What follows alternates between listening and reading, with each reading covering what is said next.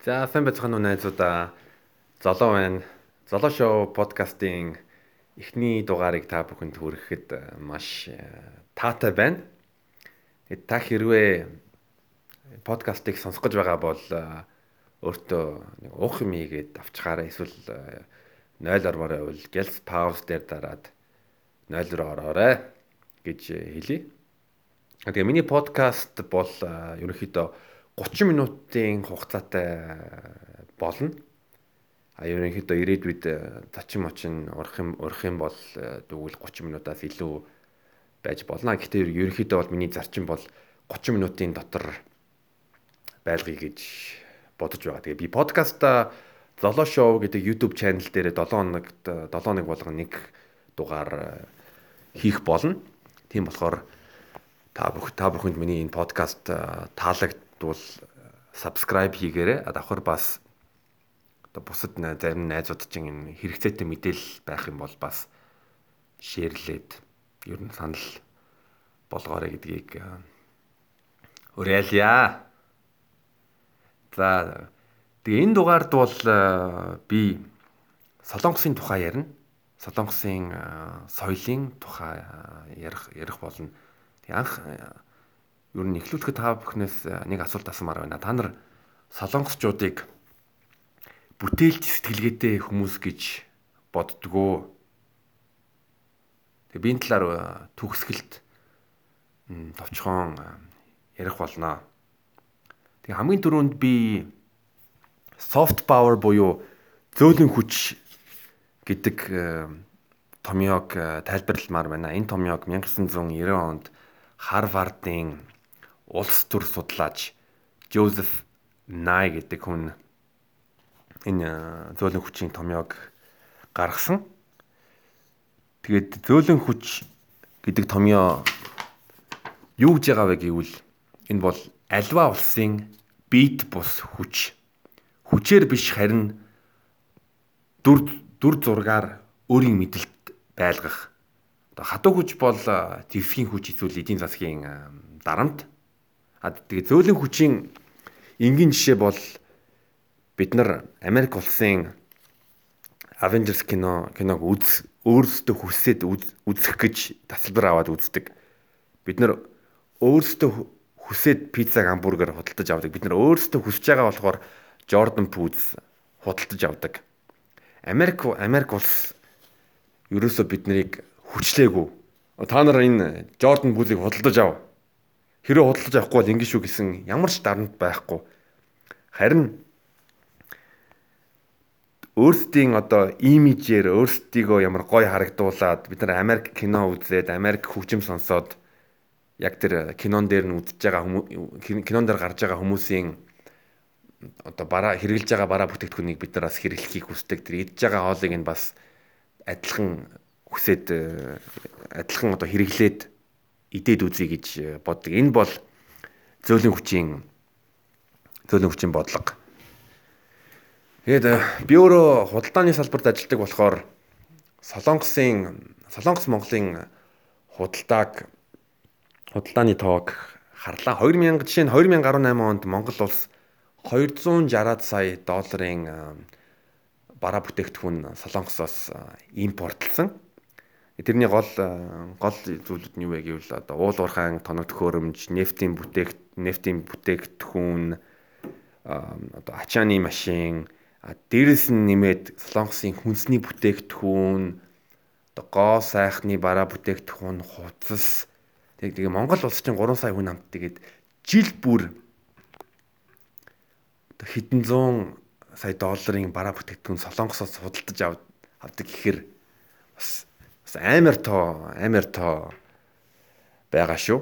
А тэгээ нөгөө дээгүүр Монгол улс 2018 онд 260 сая долларын долларын солонгос бараа бүтээгдэхүүн импортлж байгаа бол монголчууд бид нэр солонгос руу юу экспортлдог юм бэ? Монгол улс солонгос руу юу экспортлдог вэ гэвэл монголчуудыгаа экспортлдог юм байна. Ингэж ярьдаг шүү дээ, тийм Монгол Монгол улсын баялаг бол Монгол зүүн тийм болохоор яах аргагүй манай монголчууд байгалийн баялгаа э, гадагшаа экспортлдог юм байна.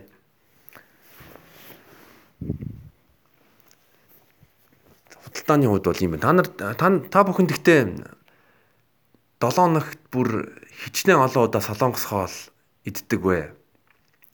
Хэр байнга солонгос олон анги кино үздэг вэ? Хэр байнга солонгосын гоо сайхны бүтээгдэхүүн хэрэгэлдэг вэ? Эсвэл солонгосын хүнсний бүтээгдэхүүн цайч юм уу? тийм юм хэр байнга хэр хэрэг давтамжтай худалдаж авдаг юм бэ? Тэрийг комментэн дээрээ бас бичээрэй. Би Монголд 2 жилийн өмнө хурж ирээд Солонгос хоолны талаар мэдлэг маш маш муу байсан. Солонгос үгч мэддгүү мэддгүү байсан. Ас Монголд хурж ирээд би Солонгос хоолны хоолыг маш сайн мэддэг болсон. Одоо 7 хоногт нэг удаа Солонгос хоол иддэг. Тэг бүр хідэн хид хідэн Солонгос үг сурцсан байгаа. Одоо панчаан, араас арасо, айш би 2 жил Монголд амьдрал Солонгосын Солонгосын бараа бүтээгдэхүүнүүд ялангуяа Солонгос хоолны тухай маш сайн мэдлэгтэй болчихж байгаа юм. Одоо бол манай гадаад найз найз нар Монголд Улаанбаатарт ирэнгүүт за хэдүүлээ Солонгос хоол идэх гээл тэгэл шууд очоод захиалаа. За калбижим нэг калбижим авъя, нэг жэйг авъя, сангипсал авъя гээл шууд сайн мэддэг болсон байгаа юм чинь. Тэгээ нөгөөтэйгүр солонгосчууд Монгол соёлыг хэр мэддэг. Солонгосчууд Монгол хоол мэддгүү, Монгол кино үздэгүү, Монгол хөгжим сонсдгүү, Монгол бараа бүтээгдэхүүн худалдаж авдаггүй.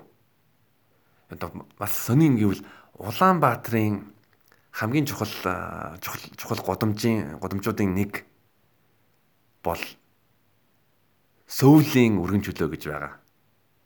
Амар сонирхолтой гас тийм Улаанбаатарын манай Монголын хамгийн чухал годомжуудын нэг нь одоо солонгостой бас холбоотой байгаа.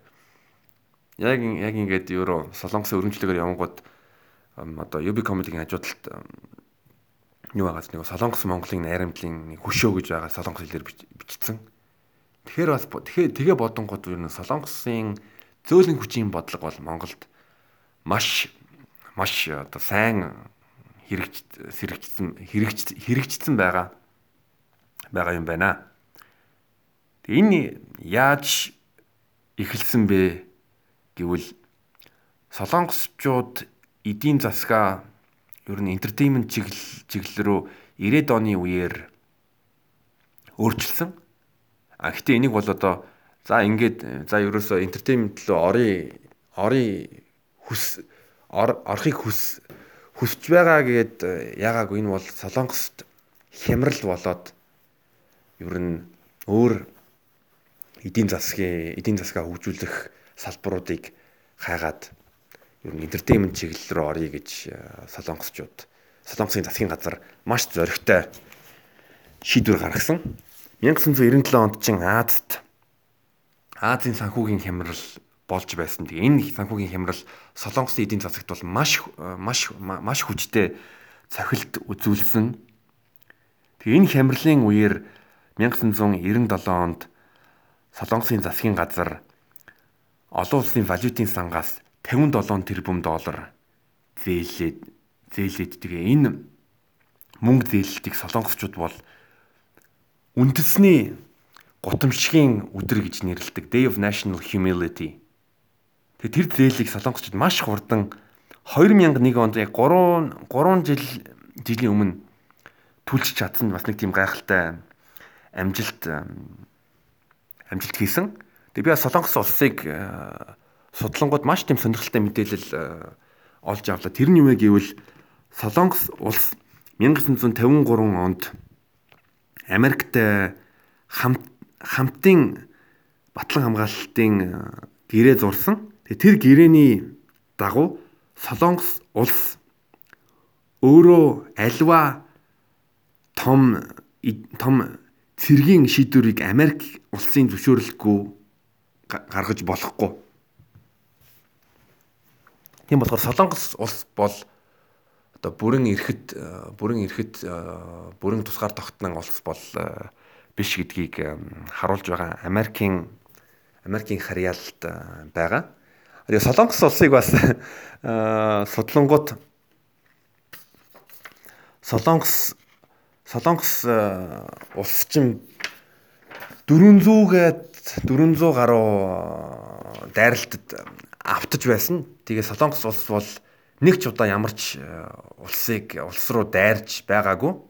Харин одоо бол солонгосчууд өөрсдийнхөө соёл одоо солонгос кино, солонгос хөгжим буюу K-pop, солонгос олоон гэдэг кино киногоор бол дэлхийг дэлхийн нэлээ олон орнуудыг эдэлж байгаа. Тэгэхээр яг 1990-ад он 90-ад онд Солонгос улс хямарч байх үед Солонгосын ерөнхийлөгч маш сонирхолтой дүгнэлтэнд хүрээд тэр нь юу вэ гэвэл Америк улс The Jurassic Park гэдэг ганцхан кино гаргаад Солонгосын 1.5 сая Hyundai машины борлуулалттай тэнцэх орлого олж байгаа гинэ.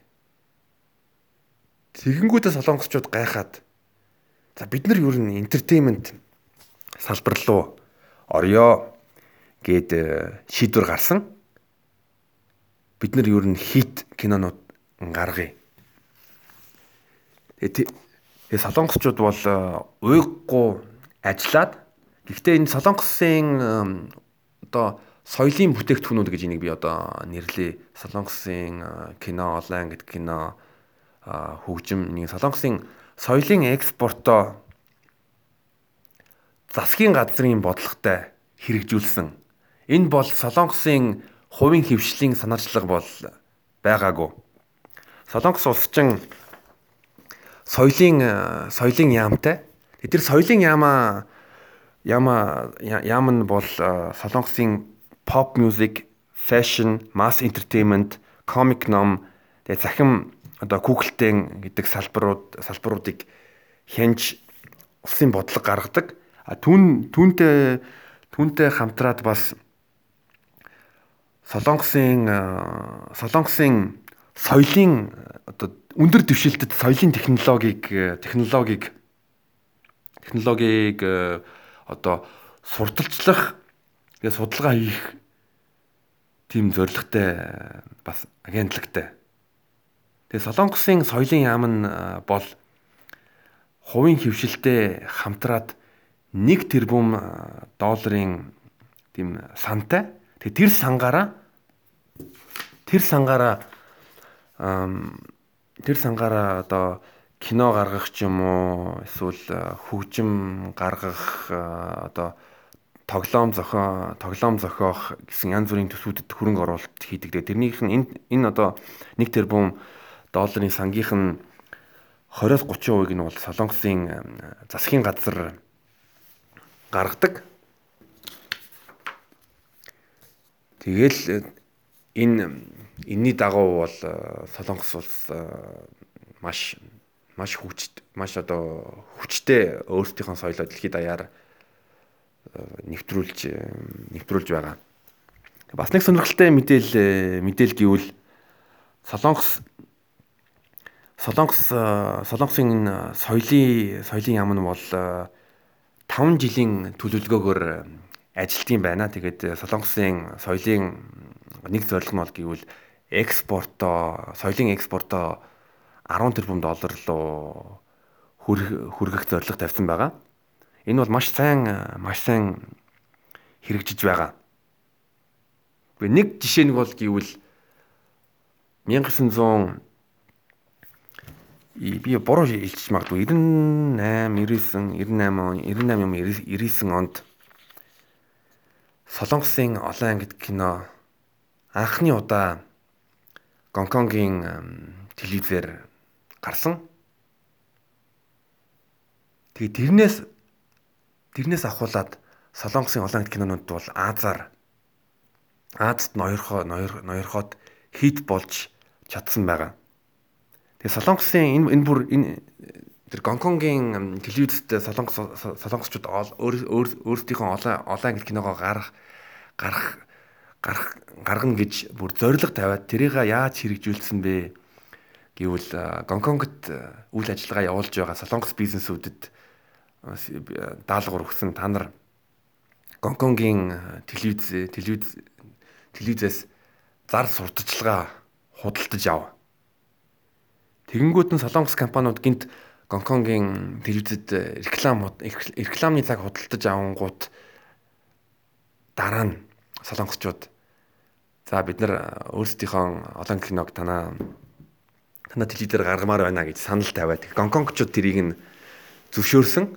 Тэгээ солонгосчууд бас засгийн газрын санхүүжилтээр тэр олон Гонконгд гаргасан олон ангид киногоо Гвандонхуа буюу Гонконг тэгээ Гвандон мужид ярьдаг хүмүүсийн нутгийн одоо хил хилэг рүү солонгос олон киногоо орчуулад тэгээ Гонконг тэгээ Гвандон мужийн нийт хүн ам 50 сая орчим хүн амтай тэгээ тийм болохоор анхны удаа 50 сая хүн амтай зах зээлд хүрч чадаад тэгээ тэр олон ангид кино нь Гонконг тэгээ Гвандон хит болоод хит болонгуудаа сонирхолтой юм болж ирсэн. Хятадын CCTV тэр олон тэр олон ангид киног өөр хятад нийт нийт хятадын телевизээр гарах лицензийг нь худалдаж аваад дараа нь дараа нь солонгос киног дараа нь солонгос киног солонгос олон киног японочууд, вьетнамчууд, малайзууд, филиппинчууд бас өөртөө телевизээр гаргаж эхлээд бүр Монголд хүртэл солонгос олон кинод бол маш сайн явж байгаа. Бараг солонгос кино гаргадаггүй телевиз гэж Монголд байхгүй хаа гэж би э, бодож байгаа. байж магадгүй л дээ. Гэтэл ер нь бараг байхгүй байгаа.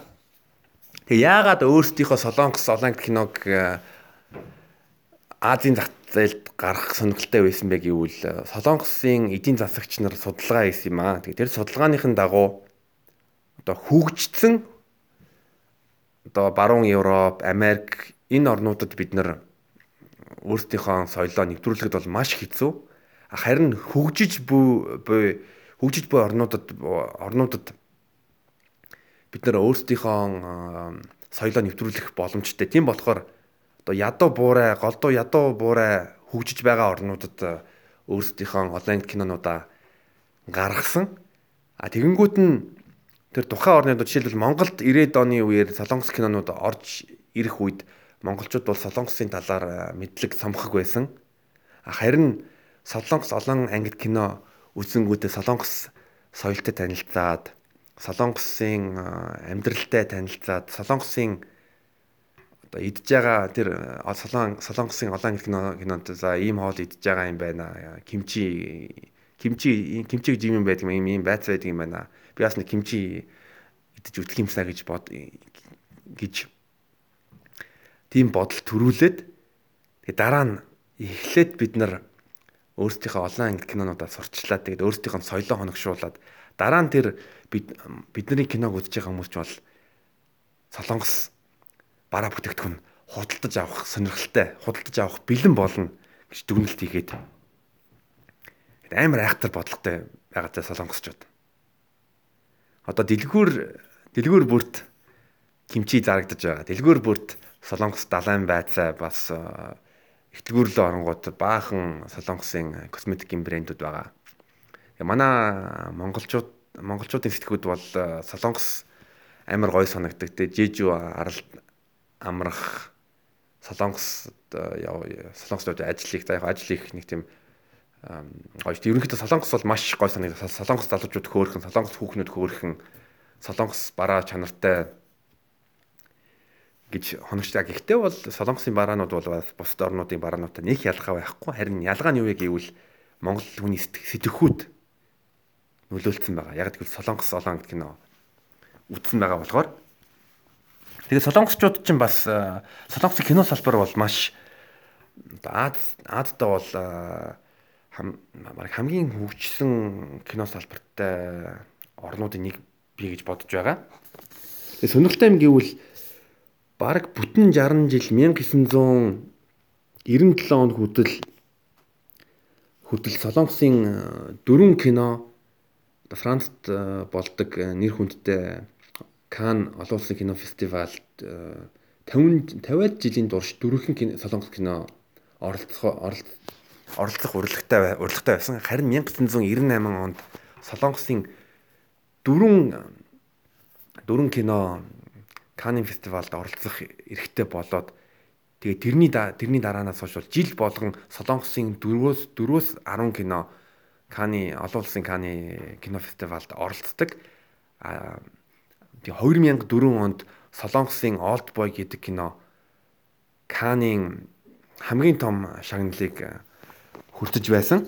Солонгосчууд ч бас кино салбараа хөгжүүлэхийн төлөө маш их анхаарал тавьсан. Тэгээд Солонгосын засгийн газар нь бол э, маш маш маш маш их анхаардаг. Ягаад гэвэл Солонгос киноны экспортороо бол э, зөндөө их мөнгө мөнгө олдог. Тэгээ солонгосчууд ч бас өөрсдийнхөө кино урлагийг э, хөгжүүлэхийн төлөө бас хуйлууд гаргасан одоо 1995 онд Солонгосын ерөнхийлөгчийн ерөнхийлөгч зарлиг гаргасан. Энэ бол кино киноны салбарыг салбарыг хөгжүүлэх зарлиг. Тэгээ энэ зарлиг нь яасан бэ гэвэл Солонгосын кино театрууд жилд дор аж 146 хоногт Солонгос кино гаргах ёстой. Хэрвээ жилийн турш дор хаяж 146 хоногийн хоногийн турш Солонгос кино гаргахгүй бол кинотеатрын үйл ажиллагаа явуулах явуулах эрхээ хасуулна. Гэтэ 2006 онд бол энэ хуулаа өөрчилсөн. Одоо Солонгос кинотеатрууд Солонгос кинонуудыг жилд 146 хоног биш харин 73 хоног солонгос кино гаргах ёстой. Гэтэ одоо бол энэ бол энэ хууль бол нэг чухал биш. Ягаад гэвэл солонгосын солонгос кинонууд яг солонгосын кино зах зээлдээ 50-аас 60% эзэлдэг юм байна. Тийм болохоор бол өөрсдийнхөө өөрсдийнхөө солонгос кинонууд бол солонгостой бол угаасаа ноёрхдаг юм байна. Та нартай харж байгаа үедээ солонгосчууд одоо бүх тохиолдолд бол чөлөөт эдийн засаг үйлчилдэг. Солонгосчууд засгийн газрын бодлоготойгоо соёлын салбараа дэлхийд даяар дэлхийд даяар сурталчилж байгаа. Та нар ер нь солонгосын K-pop-ыг хэр хэр сонсдог вэ? Та нарын дуртай солонгос дуунуудаа комент комментлоод э, явуулаарай би бас сонсоод үз. Би бол солонгос э, хөгжмийг бол нэг сонсдгоо сонсдгоо. Гэт K-pop ч бас амар э, сонирхолтой байлээ. Би бас яг сая киноны талаар нэг товчхон нэг юм хэлчихье. Одоо жишээлбэл солонгосчууд ч маш олон жил Япон хөгжим хөгжим кино тэгээ мангаг хорцсон байсан. 1999 оноос ахуулаад Солонгос улс Япон кинонуудыг Япон кинонуудыг өөрсдийнхөө кинотеатрт тоглуулахыг зөвшөөрсөн. Гэхдээ зөвшөөрөхдөө ямар Япон кинонууд Солонгос кинотеатрт тоглуулахыг зөвшөөрсөн бэ гэвэл зөвхөн олон улсын фестивалд шагнал хүрсэн Япон кинонуудыг үзүүлнэ гэж бас тэг айхтар хориг тавьсан бэлээ. Та нар ер нь K-pop ер нь солонгос хөгжмийг солонгос гэж боддгоо. Солонгос хөгжим бол солонгос хөгжим биш байлаа. Би яг анх анх яг подкастыг ахинд асуусан солонгосчууд бүтээч сэтгэлгээтэй юу? Солонгосчууд бүтээлч сэтгэлгүйгүй.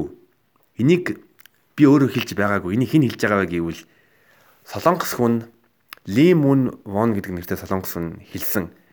Тэгээ Ли Мун Вон бол солонгосын хамгийн нэр хамгийн нэр хүндтэй соёлын судлаач. Бүр өөр өөр солонгос хүн солонгосчуудыг бүтээлч сэтгэлгүйгүй гэж хэлж байгаа. Энэ энэ нь ямар учиртай гэвэл энэ Лимон Вон ингэж хэлсэн юм а солонгосчууд бол одоо сав баглаа болон маркетинг хийхдээ маш сайн. Гэхдээ одоо K-pop дуунуудыг нь бол солонгосчууд зохиодог. Европ хүмүүс зохиодог. Тэгэхээр хөгжмийн хөгжмийг нь миксэлдэг, эдитэлдэг хүмүүс нь бол Америкт амьдарч исэн Америкт боловсрол эзэмшсэн солонгосчууд бас зөндөө олон гадаад хүмүүс байдаг. Солонгосын K-pop-ийн одоо бүжгийн хөдөлгөөнүүдийг нь бол дэлхийд даяас дэлхий дэлхийн дэлхийгээс ирсэн одоо юу одоо хөгж бүжгийн бүжгийн багш нар байдаг солонгос хүмүүс биш. Тэгээ солонгосын K-pop бол Европоп дээр суурилсан дийлэг солонгос дуунуудыг бол юу шивэд хүмүүс зохиосон. Евро тэгээ Европоп юун дээр сурласан бэ гэвэл электроник тэгээ техно хөгжимдөр маш тийм хүчтэй баст хөгжим байдаг. Тэгээд тийм болохоор солонгос хөгжим бол яг солонгосын бүтээгдэхүүн биш харин солонгосчууд дэлхийн хамгийн шилдэг ай зохиогч, дуу зохиогч, бүжгийн одоо хореограф зохион байдаг хүмүүсийг авчираад тэгэд солонгос солонгос хамтлагуудаа хамтлагуудаа одоо зүүн менежлээд менежлээд урдчлаад маш их хэмжээний хөрөнгө оруулаад одоо K-pop дэлхийдээр гаргасан. Одоо нэг хамтлагыг нэг нэг одоо K-pop хамтлагийн гишүүнийг сургахад дор дор хаяж 7 жил зарцуулдаг гинэ. Одоо жишээ нь одоо Big Bang-ийн G-Dragon бол 8 настайда SM labelд labelтэй гэрээ хийгээд тэгээ 5 жил G-Dragon-ыг бэлтгэсэн.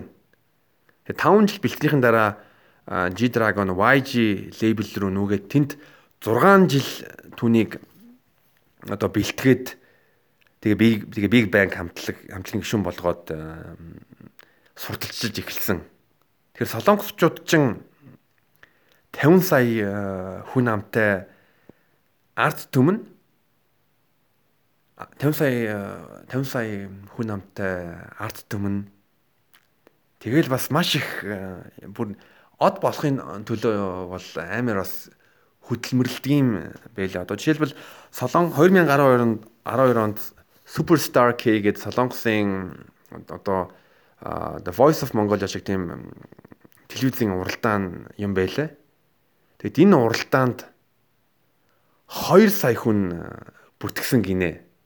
Бүр Солонгосын Солонгосын хүн амын 4% нь бол энэ энэ дууны уралдаанд оролцсон. А тэгэнгүүт сонирхолтой юм гэвэл American Idol буюу Америкийн бас телевизээр э, телевизээр гаргадаг тийм дууны тэмцээнд бол жил бүр э, тэрийг гаргадаг тэнгуудаа 80 мянган хүн оролцдог гинэ. Америкийн хүн амын 1% ч хүрэхгүй хүн. Тэгэнгүүт нь солонгосчууд нилээн аим нилээн тийм од болох сонирхолтой хүмүүс юм байна да гэж гэж хэлье. Гэтэ энэ бол од болохтой бас амар хөдөлмөрлөдөг юм байна сайхтар юм аа. Сүүлийн үед Солонгосын BTS гэдэг хамтлаг маш од болоод байгаа. Тэгээ нэг судалгааны дагуу BTS-ийн BTS хамтл хамтлагийн нөлөө бол маш том байлээ. Одоо жил бүр Солонгосын эдийн засагт 4.6 тэрбум доллар оруулдаг гинэ. Зөвхөн BTS хамтлагийн ачаар. Тэнгүүдээ Солонгос руу ирж байгаа 13 жуулчдаас Нэг нь BTS-с болоод Солонгос руу ирдэг гинэ. Тэгэд 2017 онд 800 мянган жуулчид BTS-с болоод Солонгост ирсэн гэж байгаа юм. Манай Монгол улс чинь 1 сая жуулчин авчрах зорилго тавьсан байгаа. Тэгээд ер нь 1 тэрбум доллар аялал жуулчлалын салбараас олъё гэд өчнөө олон жил яриад байгаа. Тэгсэн чинь солонгосчууд бол биднээс илүү их хөдөлмөрлөд илүү илүү юм хийгээд байна. Энэ тал дээр бас бид нар хэдүүлээ бүгдээр ер нь анхаарах ёстой гэж бодож байна. За одоо цаг маань хэд болж байна? За 29 минут 43 секунд болж байна. За тэгээ та бүхэн коммент коммент хэсэг дээр өөрсдийнхөө сэтгэлдээ бичээрэй. Яаж илүү гоё подкастыг санаа байвал тэрийг хэлээрээ. Дээрэс мэд би яг яг подкастынхаа эхэнд эхэлсэн юм шиг. Хэрвээ би монгол хэл зүүн алдаа хийсэн бол тэр алдааг маань комментэн дээр бичээд ингэж ингэж хэлдгийг шүү гэж засах юм бол би нэг 7 нэг болгон нэг хүнийг сонгоод тэр хүнд нь UB Comedy Club-ын шоу шоу үзэх хоёр хүний урилга өгөх болноо. За тэгээд эхний подкаста хүрэхэд маш таатай байна. Тэгээд хэдүүлээ дараа уулзцгаая. Баярлаа.